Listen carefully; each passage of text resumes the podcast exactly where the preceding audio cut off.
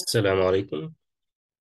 كنا في اللقاء اللي فات كنا وقفنا عند يعني ابتدينا اتكلمنا قلنا إيه هي الأدوات السبعة وادينا مقدمة كده وقلنا إن دي يعني أدوات بسيطة جدا إنها تدي مؤشرات إحصائية لأي حد مهما كان الليفل بتاعه إيه.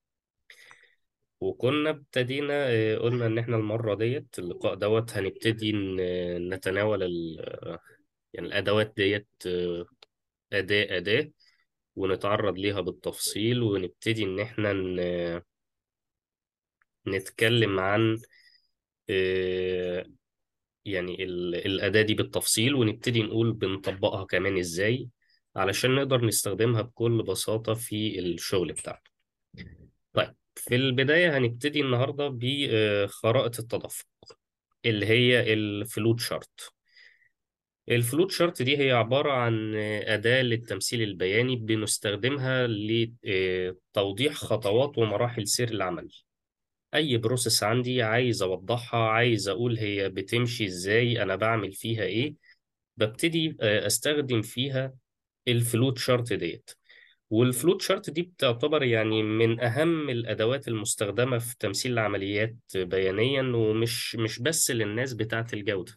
لا هي الأداة دي إحنا بنستخدمها في تصميم العمليات. لو أنا لسه آه، هنشئ مثلا آه، منتج جديد وهبتدي أنا أحط الخ- العمليات بتاعته إزاي إيه اللي هيتم على المنتج ده علشان أبتدي أطلعه آه، ببتدي إن أنا أمثل دوت على الورق. باستخدام ال flow chart. طيب لو أنا عندي عملية وعايز أعمل لها re-engineering أو إعادة هندسة ب- بغرض التحسين ببتدي إن أنا آه، أعمل دوت باستخدام ال flow chart. طيب ال flow chart دي شكلها إيه؟ ال flow chart دي شكلها زي ما هو واضح قدامنا كده في الرسمة دي. وعلى فكرة الرسمة اللي قدامنا دي المثال ده بيوضح آه، ال flow chart إلى آه، مريض هو راح المستشفى. وإيه كل الخطوات اللي بتحصل معاه لغاية ما هو المريض ده يخرج؟ آه، من بداية إن هو وصل لغاية إن هو عمل تسجيل تم التسجيل بتاعه لو يس بيبتدي يخش على الممرضة المسؤولة لو ما تمش بيبتدي إن هو يعمل التسجيل ويحصل تاني نفس السؤال وهكذا إلى أن المريض في الآخر بيغادر المستشفى. طيب خلينا نكمل وهنتعرض برضو لأمثلة تانية في الفلوت شارت دي طيب الفلوت شارت دي في الأول كده هي بتوصف خرائط التدفق دي بتوصف الأنشطة التسلسل بتاع الأنشطة بيانيا علشان أقدر أنجز أي مهمة أنا بعملها. إيه، بتوضح كويس إيه الخطوات اللي بتحصل والتسلسل بتاعها والترتيب بتاعها بيكون شكله إيه. وبتستخدم يعني مهما كانت العملية معقدة. طيب ال flow chart ديت لما آجي بيبقى في عندي process قايمة فعلا وأنا عايز أبتدي إن أنا أمثلها. ببتدي في الحالة ديت إن أنا آه، أرسم الفلوت شارت بس لازم أراعي حاجة كويس جدا عندي. لازم أراعي إن الفلوت شارت دي هي بتمثل فعلا العملية الموجودة مش بتمثل اللي إحنا بنتمناه. يعني أنا بتمثل فعلا الوضع القائم. لو في مشكلة فأنا قادر فعلا أمثلها أو لو في نقطة م- المفروض تبقى أحسن من كده لأ أنا قادر أمثل النقطة دي على الوضع القائم عليها بحيث الصورة اللي تبقى قدامي على الورق هي اللي تبقى الصورة القايمة فعلا. علشان بعد كده أقدر أطلع من الورق دوت خطوات التحسين بتاعتي والفرص بتاعت التحسين وأقدر أنفذها. ما ابتديش إن أنا أعمل الفلوت شارت ديت آه، زي ما إحنا يعني الوضع اللي هو المثالي اللي إحنا كلنا بنتمناه لأ. ببتدي أمثل أول حاجة الوضع القائم فعليا. طيب من خلال إنشاء خرائط التدفق دي أنا أقدر إن أنا أفهم العملية كويس جدا. لو أنا دلوقتي آه، عندي مورد خارجي لمنتج ما. في حد بيعمل لي مثلا أنا بن- بنتج مثلا أثاث مكتبي وببتدي إن أنا أعمل الدهان عند مورد خارجي. المورد الخارجي دوت لو أنا عايز أقول له أنت ال- ال cycle بتاعت الشغل عندك بتمشي إزاي؟ فأبسط حاجة إن المورد الخارجي ده يجيب لي flow chart موضح عليها ال cycle بتاعت الشغل كلها ماشية إزاي وأبتدي إن أنا اطلع على المراحل بتاعته والخطوات بتاعته إيه اللي بيتم فيها. آه، تاني نقطة ال- الفلوت شارت دي يعني بتبقى برضو أداة ممتازة جدا علشان توضح العلاقة بين الإدارات المختلفة. لو في تداخل بين إدارة والتانية الفلوت شارت بتقدر إن هي توضح الجزئية دي بشكل بسيط جدا وواضح جدا لأي حد. طيب ال flow chart كمان لما ابتدي ارسم ال process بتاعتي على flow chart أو خرائط التدفق دي ارسم العمليات بتاعتي اللي عليها ببتدي ان أنا الاحظ ال- الخطوات المكررة ببتدي ان أنا الاحظ الخطوات اللي ما بتضيفش قيمة للعملية بتاعتي واقدر من هنا ان أنا احسن أو اقلل الخطوات اللي هي فيها هدر المجهود وفيها هدر الوقت ديت. وأقدر إن أنا أعمل عمليات للتحسين. لذلك إن يعني أي حد مسؤول عن process بيقدر يحدد خطوات ال- الاستهداف اللي هو عايزها بمراحل المعينة اللي هو مستهدف إن هو يحسن فيها ويعمل نقاط تحسين. لازم أول حاجة إن هو بيرسم ال process بتاعته على ورق ويبتدي يحسن بإن هو يعدل في ال process دي. قبل ما يتم التعديل الفعلي على الأرض يعني. آه، بدل ما أقعد أكلف نفسي وأبتدي أحط في في تكاليف وتعديلات وربما تكون غير مفيدة لا بنبتدي في الأول خالص إن إحنا نعمل دوت على الفلوت شارت. طيب خلينا ناخد مثال كده عن آه، فلوت شارت بسيطة. ال flow chart اللي قدامنا ديت لي آه، يعني هي ما بتشرحش عملية هي بتشرح آه، سؤال اللمبة شغالة ولا لأ؟ اللمبة اللي قدامي دي شغالة ولا لأ؟ فبنيجي هنا نسأل سؤال. اللمبة دي محطوطة في المكان بتاعها مظبوط؟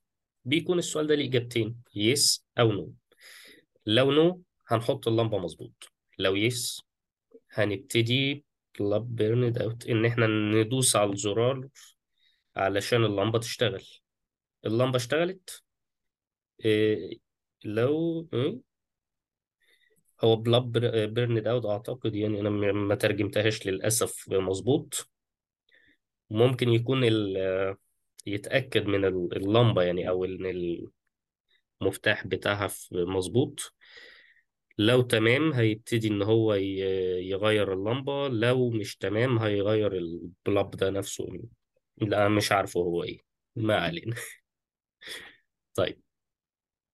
ال flowchart التانية المثال التاني ده هو مثال ظريف خالص. ده بي بيشرح يعني واحد ال process ديت عبارة عن إن إحنا بنعمل شاي. طيب أول حاجة في ال process دي بتكون start بعدين turn on kettle إن هو بيشغل الغلاية. بعدين آه، بيستني لما المية تغلي جوه الغلاية وبيجي هنا بيسأل سؤال. المية دلوقتي خلاص وصلت لدرجة الحرارة المطلوبة وعندي هنا هوت إجابتين yes أو no لو no بستنى لغاية أما المية تغلي وبرجع تاني أسأل نفس السؤال. غليت ولا لأ؟ لغاية أما تيجي عندي الإجابة yes بقول إن أنا خلاص بحط المية على آه، فتلة الشاي في الكوباية. بعدين بستنى من دقيقتين لثلاث دقايق. بعدين بضيف اللبن والسكر. بعدين stop اللي هي النهاية بتاعتي. خلاص كده ال process دي تمت للآخر خالص بنجاح. دول كده مثالين لطاف خالص لل flowchart. فهل فيهم أي مشكلة ولا الدنيا تمام؟ تمام.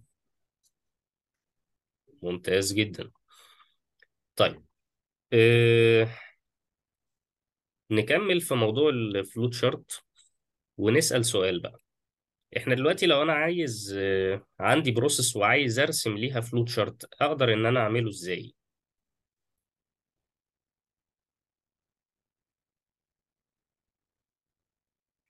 يبقى ال- ليه في رسوم في اشكال هندسية بنستخدمها طيب هو مظبوط جدا.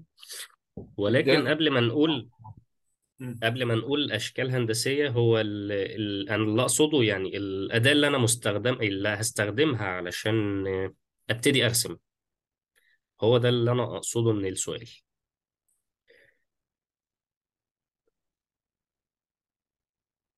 طيب خليني أنا أجاوب على السؤال دوت. بس قبل ما نجاوبه خلينا يعني نوضح الأشكال إيه لأن إحنا زي ما شفنا في المثال آه، المثالين اللي فاتوا دول في آه، مو- مجموعة كده من الأشكال الهندسية كل شكل فيهم هو ليه معنى معين. فخلينا نوضحهم يعني إيه ونقول الأشكال دي كل واحد فيهم يعني إيه لأن في أشكال كمان أكتر من ال- المتوضحة في الأمثلة ديت.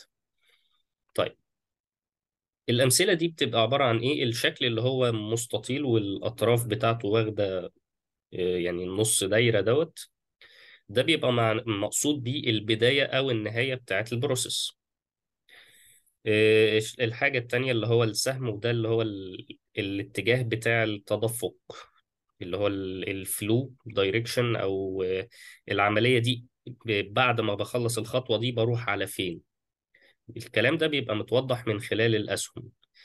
طيب المستطيل دوت وبيبقى مقصود بيه اللي هي عملية أو معالجة أو تغيير بيتم على المنتج أو على الخدمة اللي أنا بقدمها.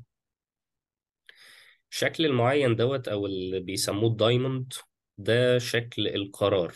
لما أنا بوصل لمرحلة وبيبقى فيها هنا هوت هخرج بحاجتين باختيار من اتنين yes or no. آه، بيبقى الشكل اللي هو بتاع المعين دوت. طيب الشكل اللي قدامنا دوت وهو ده بيسمى مستند. لما أنا بيبقى من ال process دي هطلع من هنا هو مستند أو هطلع form أو document بقدر إن أنا أعبر عنها بالشكل دوت. طيب في الشكل اللي هو بتاع متوازي الأضلاع وده شكل لما يكون في آه، معلومات هتطلع عندي من آه، في الفلوت شارت بتاعتي بقدر إن أنا أستخدم الشكل بتاع المعين دوت. طيب الشكل التاني اللي هو بيبقى فيه نفس الشكل بتاع المستند ولكن أكتر من واحد ورا بعض الشكل دوت هو بيستخدم لما يكون في مستندات متعددة. كذا مثلا نموذج هيطلع بعد ال- العملية ديت أو في الخطوة دي من ال process بستخدم في الشكل دوت طيب ال flowchart ديت أنا بقدر أرسمها إزاي؟ فهي ليها أكتر من طريقة. إيه، أول حاجة يعني وهي أبسط طريقة خالص معانا أنا ممكن أرسمها بالورقة والقلم. على ورقة و... وبالقلم عادي جدا بقلم رصاص أو جاف. وأقدر إن أنا أرسم يعني بكل بساطة وهتطلع معايا النتيجة المظبوطة. ما فيهاش أي مشكلة. تمام؟ طيب. الطريقة التانية أنا ممكن أستخدم البرامج يعني بتاعت Microsoft Office عادي جدا زي برنامج PowerPoint أنا ممكن أرسم عليه زي برنامج Excel زي برنامج Word الصيغة اللي أنا عايزها بقدر إن أنا أستخدم البرنامج بتاعها و- وأرسم عادي جدا. وكمان في برنامج يعني أكثر احترافية برضو من مايكروسوفت اللي هو ال Microsoft Visio دوت يعني في الرسومات أكتر احترافية وبيبقى سهل جدا في الرسم بتاع ال flowchart دوت. وبيقدر إن هو كمان يعني تاخد منه وتصدر لأي برنامج تاني زي ال Word زي إنك تحفظ PDF زي إنك ت- تح يعني تحول اللي أنت رسمته ده في الآخر ل PowerPoint كل ده هو بيعمله بسهولة جدا. على أي برنامج من مايكروسوفت آه، سواء آه، Word أو PowerPoint أو Excel فأنت تقدر تيجي على ال tab بتاع insert ومنه على shape ومنه هتبتدي تيجي على flowchart ديت. في أهي كل الأشكال بتاعت ال flowchart ولو نسيت اسمهم كمان أنت مجرد ما تقف على ال... يعني الشكل دوت أي شكل فيهم بالماوس هيبتدي يظهر لك يعني box كده صغير ومكتوب فيه اسم الشكل ده بيعبر عن إيه. طيب. آه... نكمل برضو في خرائط التدفق. في دلوقتي مثال إحنا عاملينه إحنا يعني عملت مثال بسيط كده لإن مراقب جودة بيفتش على منتج. آه... طيب. في المثال دوت آه، ابتديت إن أنا طبعا أنا رسمته على الباوربوينت علشان يبقى قدامكم بصورة واضحة. أول حاجة كان البداية وبيحصل إن مراقب الجودة بيستلم قوائم الفحص. بياخد معلومة. بعدين بيقوم بسحب عينات للفحص. بعد ما بيسحب العينات للفحص بيكون في نتيجة للفحص دوت. النتيجة دي بيكون ال يعني ال بعد قرار الفحص دوت بيكون في حاجة من اتنين اختيار من اتنين بيطلع قدامي. إما مرفوض وفي الحالة ديت بيتم رفض الكمية المنتجة. وبيتعمل طبعا تقرير بالكلام دوت. وسبب الرفض وموضح فيه العينة اللي اتسحبت قد إيه أو 100% تم التفتيش على 100% من المنتج. بيبقى فيه تقرير وبيبقى فيه فورمة خاصة أصلا في الشركات بالنقطة ديت. وكل مكان على حسب ال يعني الفورم بتاعته. طيب بعد ما عمل ال form دي المفروض إن هو بيرجع تاني يسحب عينات تاني للمنتج من الإنتاج اللي تم جديد علشان يبتدي يلبي الطلب اللي عنده. طيب ويفضل في ال cycle ديت بعد ما يسحب تاني برضه يجي يفحص ونتيجة الفحص ويشوف إذا كان مرفوض هيفضل برضه في نفس السايكل طيب إذا كانت النتيجة مقبول هيبتدي إن هو يتم استكمال الإنتاج لغاية ما يتم إنتاج الكمية أو تلبية ال- الطلب بتاع العميل استكمال الكمية المطلوبة كلها. طيب بعد ذلك هيتعمل تقرير بيقول إيه اللي تم فتشنا على إيه كانت نتيجة التفتيش إيه الحجم بتاع الإنتاج قد إيه ده هو التقرير بتاع رقابة الجودة. بعد ذلك بيكون في النهاية بتاعة العملية. بس كده. ديت كده يعني إحنا وضحنا بشكل بسيط خالص الفلوت شارت ووضحنا إيه اللي ممكن يعني يحصل بيها وإيه اللي إحنا بنوضحه بيها. وعملنا مثال بسيط خالص. طيب آه، الفلوت شارت إحنا يعني في بعض الناس بتيجي كمان تبتدي تحدد عليها المسؤوليات إن استلام مراقب الجودة قوائم الفحص فبيكتب هنا المسؤول مين عن الخطوة دي مين اللي بيسلم مراقب الجودة قوائم الفحص يبتدي يكتب الشخص ده مين. مش كاسم يبتدي يكتبه مثلا كأن هو ال التخطيط بيسلم مثلا ال- التشغيل بيسلم سوري قسم الإنتاج مثلا أو قسم التشغيل بيسلموا أوامر الشغل وكمان بيسلم ال- ال quality قوائم الفحص اللي هو بيبتدي يشتغل بيها. أو بيسلم نسخة من أمر الشغل كمان لل quality وال quality بيجهز قوائم الفحص اللي هيبتدي يراجع بيها على المنتجات ديت. ويجي هنا عند سحب العينات ويكتب تحتها إن هنا مسؤول مراقب الجودة. علشان كده إحنا قلنا إن ال flow chart ديت أو خرائط التدفق ديت هي كمان بتبقى أداة سهلة إن هي تورينا العلاقة بين الأقسام والإدارات المختلفة وإنها تبتدي تحدد المسؤوليات أو نقدر إن إحنا من خلالها نحدد المسؤوليات عن كل آه، مهمة بتحصل في البروسيس بتاعتي ككل طيب حتى الآن في أي مشكلة في الموضوع ال- خرائط التدفق ديت؟ تمام. طيب تمام. آه، طيب. هنكمل. إحنا دلوقتي بعد ما شرحنا الفلوت شارت هنبتدي نخش في يعني أداة تانية. هي من أهم الأدوات بتاعة ال 7 Quality Tools. وهي مخطط آه، السبب والأثر. ده الاسم بالعربي أو بالإنجليزي Cause and Effect Diagram. طيب. cause and effect diagram هي بالشكل دوت كده. ده مثال للشكل بتاعها.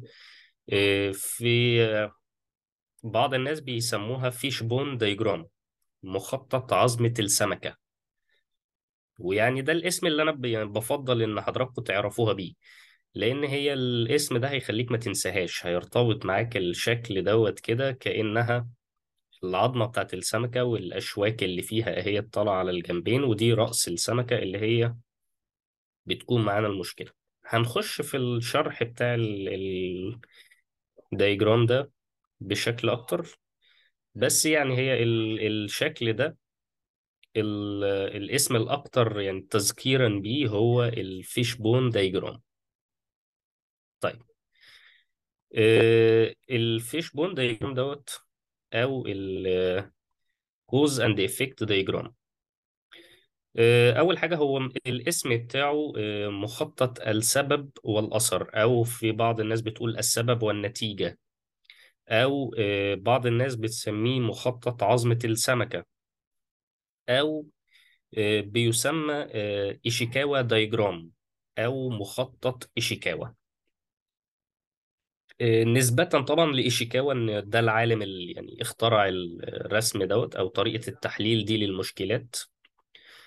آه، فعشان كده بعض الناس بيسموه باسمه ويسمى إيشيكاوا diagram. طيب. المخطط السبب والأثر دوت أو ال cause and effect diagram هو عبارة عن رسم بياني بيوضح العلاقة بين المشكلة والأسباب المتسببة في المشكلة ديت. إزاي أعرف إيه سبب المشكلة دي؟ في الحالة ديت لما يبقى عندي مشكلة وعايز أعرف سببها إيه الرئيسي ببتدي أستخدم cause and effect diagram. طيب ال cause and effect diagram ده يعني هو أحد الأدوات بتاعت الجودة اللي بيسمى بادوات الجودة الإبداعية. ليه بقى بيسمى بأدوات الجودة الإبداعية؟ يعني واحدة من الأدوات الإبداعية لأنه بي بنقعد يعني هو لما بيجي يتم إنشاء المخطط دوت بيبتدي كل الناس بتقعد فيه. ممكن يتعمل المخطط ده على فكرة شخص واحد اللي يبتدي إن هو ينشئ المخطط دوت. أنا ممكن أقعد بإيدي كده وورقة وقلم لطاف وأبتدي إن أنا أرسم ال cause and effect diagram دوت بكل بساطة. وأحط عليه كل الأسباب بتاعتي وكل ال- الحاجات اللي ممكن تسبب لي المشكلة ديت بكل بساطة. لكن لما هاجي أعمل كده هلاقي عندي إن أنا يعني حطيت ممكن تقع مني سبب أو اتنين ممكن إن أنا ما أحطش كل العناصر اللي عندي متسببة في المشكلة ديت. فلذلك بيفضل إن هو يعني يبقى ال- الرسم دوت اما نيجي نعمله يبقى قاعدة كده لطيفة وفي brainstorming في آه، كل الأطراف المعنية بالمشكلة دي. لو مثلا هي آه، إن في منتج آه، غير مطابق للمواصفات وصل لعميل فنبتدي نجيب كل الأطراف المعنية ويبتدي كل واحد يقول الأسباب اللي هو يتوقعها للمشكلة ديت. اللي تكون هي السبب في حدوث هذه المشكلة. ما يبتديش إن واحد بس يبتدي يقعد الموضوع ده ويقولوا لأن وارد جدا إن الواحد ده يكون فيه تحيز. يعني مثلا لو أنا من الجودة وجاي بقول أسباب المشكلة دي آه، فهبتدي إن أنا ممكن غصب عني أبتدي أنحاز شوية وإن أنا أقول كل الأسباب بس اللي بعيد عن الجودة. مش الأسباب بتاعتي أنا. تاني حاجة في بعض الأحيان بيكون فيها لما يبقى فريق قاعد وبيقول الأسباب أحيانا بلاقي مثلا آه، لو أنا في إدارة الجودة ألاقي حد من الفريق اللي قاعد ابتدى يقول نقط في الجودة ومشاكل في الجودة الناس اللي بره شايفاها وإحنا في الجودة مش واخدين بالنا منها. فبتبتدي تفتح عينينا على حاجات تانية وبتبتدي إن هي قعدة ال brainstorming اللطيفة ديت بتبتدي تحط في عينينا آه، نقط تانية ربما ما تكونش واضحة لنا إحنا نفسنا في قلب شغلنا. فلذلك يعني بن بن بنوصي إن إحنا ال fishbone diagram دوت أو ال cause and effect diagram إن هو ينشئه أكتر من شخص ما يكونش شخص واحد هو اللي يعمل طيب آه، يعني للمساعدة في.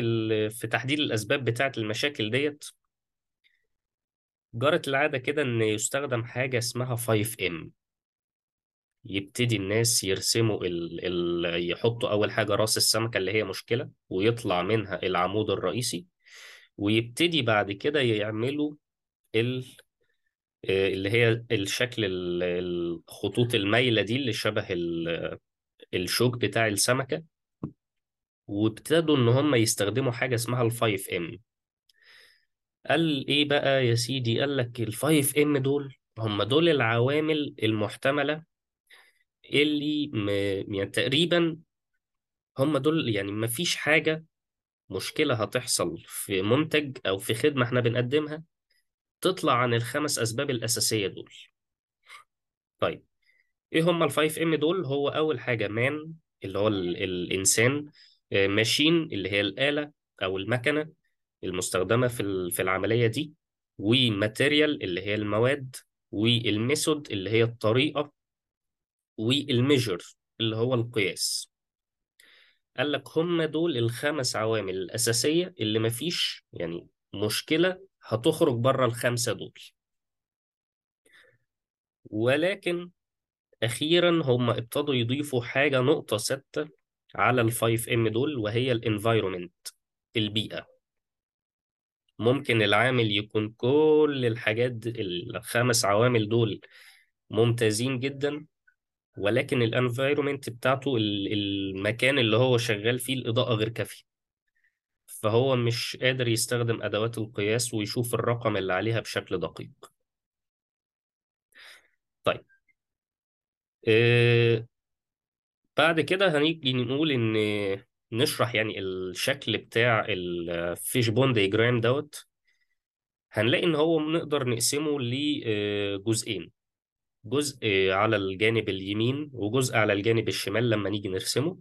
طيب الجزء اللي على الجنب اليمين ده بيعرض هو السبب أو الأثر آه، سوري بيعمل بيعرض السبب أو المشكلة اللي عندي.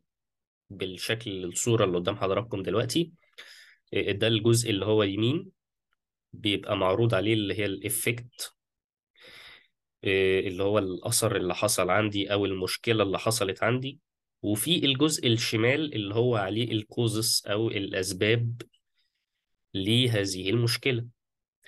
ببتدي إن أنا أحط زي ما قلنا كده ال- العمود الأساسي دوت بتاع عظمة السمكة وأبتدي أحط الأسهم الأخرى ديت اللي هي شبه الشوك بتاع السمكة.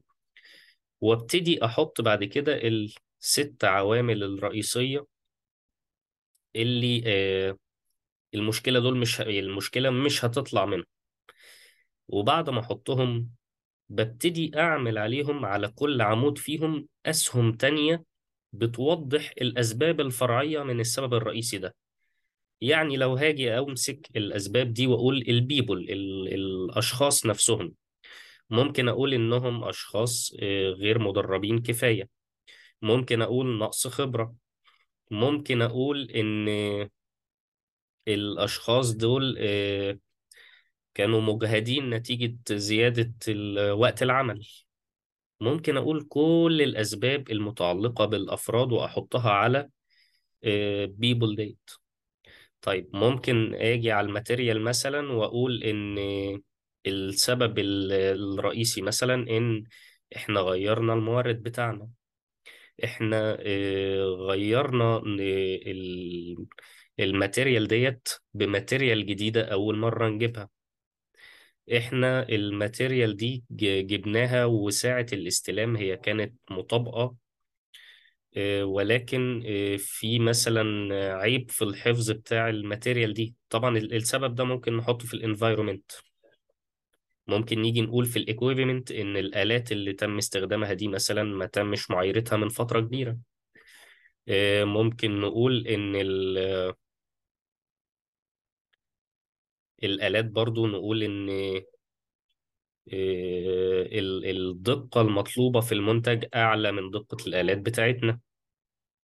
ممكن نقول في أدوات القياس إن أدوات القياس ديت آه، محتاجة المعايرة أو إن أدوات القياس دي متآكلة أو إن تم استهلاكها أكتر من اللازم. وببتدي أمسك كل فرع من الخمسة أو الستة على حسب ما أنا هحطهم. وابتدي إن أنا آه، أحط كل الأسباب الفرعية. ولو الأسباب السبب الفرعي نفسه في سبب فرعي خارج منه ببتدي أحطه بشكل مايل عليه بال- بالمنظر زي ما هو قدام حضراتكم دوت. وأحط كل الأسباب المحتملة لحدوث المشكلة دي. طيب. آه، لو أنا آه، عايز أبتدي إن أنا أطبق المخطط بتاع السبب والاثر دوت أقدر أعمله إزاي؟ إزاي أقدر أرسم المخطط دوت؟ المخطط ده ممكن بسهولة خالص أرسمه بالإكسل أو مش بال Excel بس كمان ده ممكن بال Excel أو ال PowerPoint أو ال- Minitab أو ممكن أرسمه باستخدام Visio برضو. هو رسم عادي خالص. بنفس الطريقة اللي عملناها في ال- الأداة بتاعتنا اللي كانت قبل كده اللي هي ال flow chart. طيب. إيه، بس كده لا. إحنا ممكن كمان يعني نرسمه باستخدام ال Minitab. إيه إيه رأي حضراتكم إن إحنا نبتدي نشوف آه، تطبيق لل cause and effect diagram على ال Minitab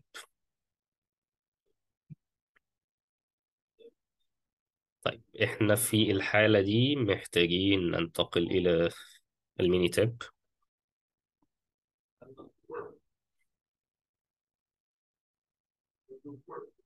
طيب إحنا جينا هنا أهوت لل Minitab أنا فاتح ال Minitab وكنت مجهز مثال من قبل كده. آه، أول حاجة ابتديت أحط ال- الست عناصر بتوعي هنا أهوت. كتبتهم وبعد كده رحت جاي تحت كل عنصر فيهم ابتديت إن أنا أحط الأسباب الفرعية. أول حاجة أنا كتبت ال 5 M وبعدين ضفت كمان ال environment وضفت الأسباب الفرعية لكل آه، يعني عنصر من ال 5 M دول وكمان من ال environment طيب إحنا لما نيجي في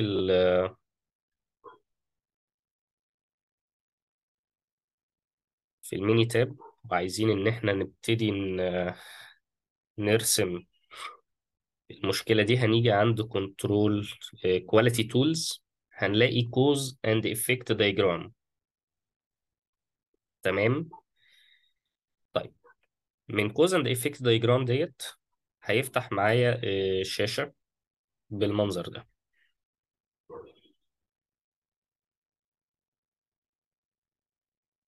الشاشة دي زي ما حضراتكم شايفين كده هو آه، يعني كاتب لي فيها آه، يعني هو كاتب لي هنا هوت ال branch الفرع وكاتب لي هنا هوت السبب وكاتب لي هنا ال label اللي هو الفرع ده هو مسميه إيه عنده في في الرسمة. طيب إيه أنا هنا هوت ال causes ديت لو أنا هنا عندي اختيارين إن أنا ال causes ده ثابت. وتاني حاجة إن هو في in column in column دوت اللي أنا مدخله في عمود مدخل الداتا هنا في عمود. فطبعا أنا كل الحاجات اللي عندي أنا مدخل البيانات في, في الأعمدة قبل كده. فهبتدي إن أنا كل ال causes دي أقول in column وهاجي على واحد واحد. أول حاجة ال personnel اللي هو أهوت C 3 هضغط عليه مرتين. ال machines أهي. ال material أهي. ال methods. أبتدي أحددها. ال measurement. ال environment. اهيت طيب. لو في آه، حاجات كمان آه، أسباب فرعية للأسباب دي هبتدي إن أنا أضغط هنا على صب وآجي أقول الأسباب الفرعية بتاعت ال ال ال 5 ام أو ال 6 element اللي أنا اخترتهم دول. هبتدي أحدد الاسباب الفرعية فين. طبعا أنا أول حاجة اخترتها ال personnel فهو ابتدى هنا يحط لي يعني شوية حاجات كده. لطيفة برضو ممكن تساعدني زي ال shift supervisor training operators طيب أنا هنا مش كاتب أسباب فرعية فهاجي تمام كده وهقول بقى هنا ال effect هكتب في ال effect ديت هكتب ال- السبب اللي عندي أو المشكلة اللي عندي اللي هي surface flaws اللي هي عيوب في السطح بتاع المنتج. مجرد ما هدوس OK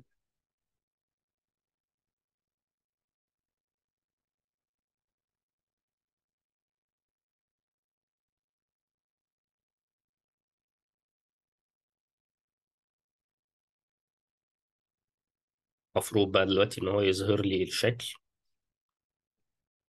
تمام. ابتدى إن هو أظهر لي الشكل بتاع ال fishbone diagram بالمظهر اللطيف دوت وعمل لي عليه أهو الأفرع والأسباب الفرعية لكل عنصر من العناصر الستة بتوعي. اللطيف هنا إن أنا ممكن يعني آخد الشكل دوت أبعته بعد كده ال Word أو أبعته ال PowerPoint أو أخده يعني أنسخه. كرسم أو أطبعه يعني بتعامل معاه بشكل على مزاجي أنا بعد ما اطلعه من ال Minitab طيب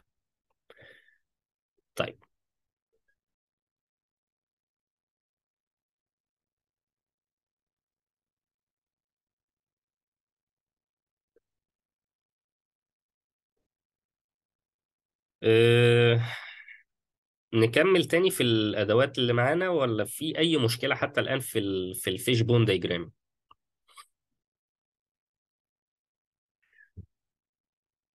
أنا مستني أسمع منكم بقى. طيب. تمام. تمام كمل. okay. ماشي. آه، طيب إحنا في ال... بالنسبة طبعا لل fishbone diagram في ال Excel أنا يعني وجهة نظري إن هو آه، مش محتاج يعني هو نفس الطريقة بتاع ال flowchart فممكن بسهولة خالص أي حد يجربه ولو في أي حاجة ممكن نتواصل مع بعض. لو آه، عن طريق اليوتيوب هيبقى في الكومنتات بقى. لو عن طريق يعني الحضور هنا فأنا مستني تعليقاتكم برضو. أو نتواصل مع بعض على الرسائل بتاعت الصفحة بقى بتاعت الفيس. طيب. إيه نخش بعد كده على التول التالتة ودي التول الأخيرة معانا النهاردة. التول ديت هي يعني أنا بشوفها حاجة إيه الجندي المجهول. أنا بشوفها الجندي المجهول معانا في ال في الكواليتي ليه بقى الجندي المجهول؟ قوائم الفحص دي هي اللي بي يعني إحنا كل شغلنا في ال quality control بعد ما بيتم الفحص ويتم خلاص بطلعنا ال accepted وطلعنا ال rejected وعملنا كل الكلام ده. إحنا لازم بعد كده بيتم عملية تحسين. ما هو أنا مش دور ال quality control إن أنا هفحص وبس. إن أنا هقول عندي قد كذا مرفوض وقد كذا مقبول وشكرا الله ينور يا رجالة وخلص الدور على كده. لا. أنا بعد كده بقول إيه يعني الريكومنديشنز بتاعتي أو التوصيات بتاعتي ببتدي إن أنا بعد كده أقول أنا عندي مشاكل هنا هوت ابتدت النسبة بتاعتها تعلى ببتدي أقول أنا عندي آه، آه، عيب جديد ابتدى يظهر وهكذا. كل ده أنا بقدر أحدده عن طريق ال check sheet طيب إيه ال check sheet ديت؟ هي قوائم الفحص بالعربي اسمها قوائم الفحص. بيكون شكلها إيه؟ بيكون شكلها زي النموذجين اللي قدام حضراتكم دول. طيب إحنا برضه هنتعرض ليها بنموذج آه، بصورة أكبر وهنوضح الطريقة بتاعت الشغل بتاعتها إزاي. ولكن خلينا نقول إن يعني قوائم الفحص دي هي مصممة إن هي أصلا التصميم بتاعها إن أنا أشتغل عليها هي نموذج ورقي. ما يجيش حد يقول أنا عاملها آه، على ال Excel. انت هتصممها على ال Excel مفيش مشاكل أو تصممها على ال Word مفيش مشكلة.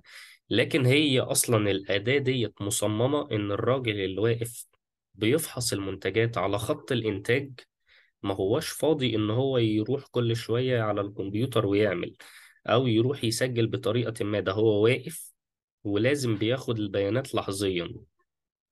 فديت تعتبر من أسهل الطرق. الراجل دوت واقف الورقة دي قدامه طلع معاه العيب الفلاني والعيب ده مكتوب في القائمة بيروح واخد على طول خط قدامها بالقلم شرطة بالقلم. فهي ديت أداة زي ما هو مكتوب قدام حضراتكم كده لجمع البيانات في الوقت الفعلي بسهولة ودقة أنا ببتدي أجمع بيانات باستخدام التشيك شيت ديت لحظيا. طيب النقطة التانية بنقول إن وفقا للبيانات الموجودة على قوائم الفحص زي ما قلنا بيمكن آه، ملاحظة تكرار آه، آه، تكرار عيوب أو نمط معين للأحداث. في حدث معين بيتكرر بصورة معينة. زي إن عيب معين بيظهر كل مثلا خمسين قطعة بيبتدي العيب ده يظهر في القطعة الواحد وخمسين. بعدين في لما أعمل مية قطعة فيظهر العيب ده في القطعة رقم مية وواحد. فكل خمسين قطعة بي- بيتكرر معايا عيب معين. كل ده وأكتر أقدر إن أنا أطلعه من ال check sheet طيب هل دورها بينتهي على كده؟ لا بالعكس. ده ال check sheet ديت دي اللي أنا بستخدمها علشان بعد جمع البيانات عن طريقها أستخدم البيانات ديت كمدخلات لأدوات تانية من الأدوات السبعة للجودة زي ال histogram اللي هي الرسوم البيانية أو زي باريتو مخطط باريتو Pareto diagram. آه، طيب. ومش كده وبس أنا كمان بقدر إن أنا أستخدم ال- البيانات المجمعة ديت علشان أفهم الوضع الحقيقي إيه للعملية بتاعتي الإنتاجية أو البروسيس اللي أنا بقوم بيها وأبتدي أحلل منها المشاكل واخد منها قرارات وابتدي أطور في العملية بتاعتي. طيب خلينا بعد كده نكمل في برضو التول ديت ونشوف إيه هي قوائم الفحص. قوائم الفحص ديت آه أنا عدت ال slide دوت. طيب. قوائم الفحص ديت أنا لو أنا هاجي إن أنا أصممها هصممها إزاي؟ آه، في وجهة نظري هي أفضل طريقة إن أنا على ال Excel ببتدي أعمل القائمة ديت على ال Excel كجدول وببتدي إن أنا أحط ال- العناصر بتاعتي وأبتدي إن أنا أحط قدامها بعد كده م- مساحة أو مستطيل فاضي يبتدي الراجل آه، المراقب الجودة أو المفتش الجودة إن هو يبتدي يحط علامة قدام كل مشكلة طيب ال quality ال check sheet ديت بتصمم إزاي؟ بالشكل اللي حضراتكم شايفينه دوت. دي هنا هو ال check sheet إحنا طبعا لما بنيجي نصممها أنا وارد جدا إن أنا أصمم آه check sheet منفصلة لكل آه مرحلة تفتيش. لأن طبيعي جدا مش كل مرحلة هي فيها آه نفس المشكلات. لو أنا مثلا عندي خط بتاع دهان عندي خط بتاع معالجة أسطح كل خط من دول أنا بصمم check sheet بالمنظر دوت. طيب ال check sheet ديت أنا باجي على ال- الجزء هنا هو العمود اللي قدامي اللي هو باللون الأخضر دوت وببتدي أكتب العيوب اللي بتظهر عندي في المنتج ده إيه. كل عيب أبتدي أسجله زي ما حضراتكم شايفين. وممكن آجي هنا هوت أكتب الأيام آه، أكتب هنا هوت في في العمود ال- في sorry في الصف الجزء الأصفر دوت اللي فوق أكتب الأيام أو أكتب الورديات أو أكتب آه، من الساعة كذا للساعة كذا أو أكتب ال ال ال batch اللي أنا اشتغلت عليها ديت. ومراقب الجودة كل اللي عليه إن هو بيبتدي يحط شرطة آه، لما يطلع معاه العيب دوت يعني مثلا آه، طلع معاه ال- العيب دوت إن في خدش في سطح الدهان فبيبتدي يحط شرطة في المكان دوت. وبعدين شرطة لما يطلع معاه نفس العيب يتكرر مرة تانية في وحدة تانية وهكذا. بعد الأربع شرط الأولانيين بيروح حاطط شرطة بالعرض عليهم يبقى كده اتقفلت حزمة دي خمس شرط. بنيجي في النهاية بنبتدي نجمع العيب دوت. طالع منه قد إيه؟ العيب ده فقط. وبنيجي نجمع كل يوم طالع قد إيه من العيب من العيوب إجمالي العيوب. وابتدي آخد ال data دي وأحللها. أقدر إن أنا كل إجمالي كل عيب أبتدي إن أنا بعد كده أدخلهم في Pareto chart. طيب. في بعض الأحيان بيبقى ال check list ال check sheet ديت بيعملوها بشكل تاني. لطيف شوية أو آه، حاجة مماثلة ليها بتسمى check list ال check sheet هنا هوت أنا ابتديت إن أنا عندي المرفوضات ديت وليكن أنا شغال مثلا على آه، خط دهان. الخط الدهان دوت بي- بيدهن منتجات قطع صغيرة فالقطعة عندي أنا إما مقبولة وإما مرفوضة. فلو هي مرفوضة أنا ببتدي خلاص إن أنا أعلم على العيب دوت وأطلعها rejected خلاص هي مرفوضة. لكن أنا في بعض ال- الحاجات اللي بستخدم بقى فيها check list ال check list ديت أنا ببتدي أحط كل العناصر هنا هوت. مكان العيوب بحط كل العناصر اللي آه، عندي في المنتج ده ودي بتستخدم لمنتجات أنا بعمل فيها قياسات. مثلا زي لو إحنا واقفين زي ما قلنا على خط دهان فببتدي أكتب سمك طبقة الدهان قد إيه. آه، الميزة فيها إن هي بتكتب قدام مراقب الجودة ال- المفتش بتكتب قدامه كل العناصر اللي هو هيفتش عليها. ما بتدينيش بس نتيجة إذا كانت ما بيبتديش بقى يعمل هنا هوت إذا كان ريجكت أو أكسبت فقط لأ ده كمان بيبتدي إن هو يكتب القياس بتاع سمك الدهان ده قد ال- درجة الحرارة بتاعت الفرن كانت قد إيه وهكذا.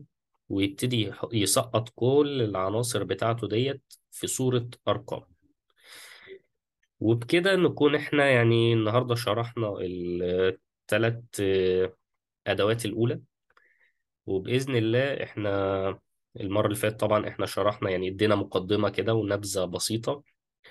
بإذن الله المرة الجاية هنبتدي نشرح آه، يعني آه، حاجتين من الأدوات اللي هم تقال جدا وبنطلع بيهم بقرارات ممتازة. هنبتدي إن إحنا نتكلم عن آه، Pareto diagram وهنبتدي نتكلم عن ال scatter diagram ويعني أتمنى إن حضراتكم تكونوا استفدتوا النهاردة. باللقاء الجميل دوت وبإذن الله نلتقي تاني آه، قريبا. شكرا لحضراتكم جدا وبشكر حضراتكم على الاستماع.